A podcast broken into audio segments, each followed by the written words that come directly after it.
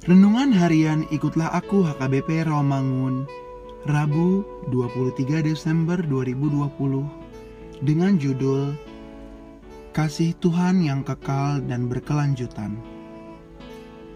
Bacaan kita pagi ini tertulis dalam Yesaya 9 ayat 1 sampai 6.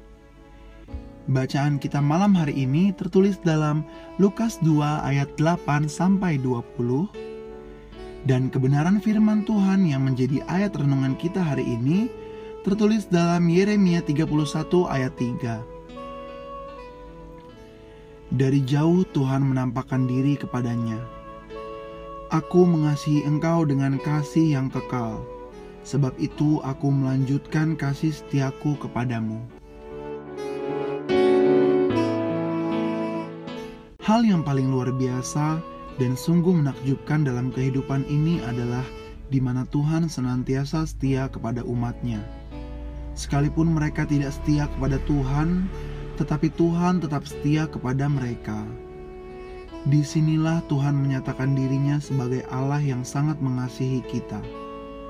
Hukumannya merupakan teguran dalam kasih, serta merupakan disiplin yang bersifat menuntun serta mengarahkan hidup kita kepada pertobatan. Sesungguhnya, Tuhan menginginkan agar kita sebagai umatnya agar setiap hari menyesali dosa-dosa kita, bertobat, dan melakukan pembaharuan hidup. Inilah yang Tuhan inginkan dari kita. Dan untuk itulah pada ayat renungan hari ini kembali dinyatakan alasan Tuhan untuk melanjutkan kasih setianya. Sebab melalui kasih setianya, Tuhan akan membangun hubungan yang istimewa dengan umatnya berdasarkan kasih karunia dan inisiatifnya yang nyata terhadap janjinya. Bangsa Israel yang berada di dalam pembuangan karena memberontak terhadap perjanjian antara bangsa pilihan dengan Tuhan Allah yang menuntun mereka.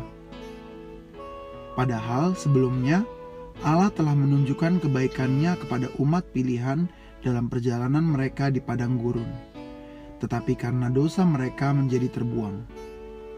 Hal ini menggambarkan bahwa kita tidak akan pernah layak untuk menerima kasih Allah yang begitu sempurna, karena kita adalah orang-orang yang berdosa. Untuk itu, marilah kita dengan penuh keberanian menghampiri tahta yang Maha Kudus dengan pertobatan, supaya kita menerima dan menemukan kasih karunia dari Tuhan yang mengasihi kita. Ya Allah Bapa, kasihmu senantiasa kekal dan mengalir dalam hidup kami.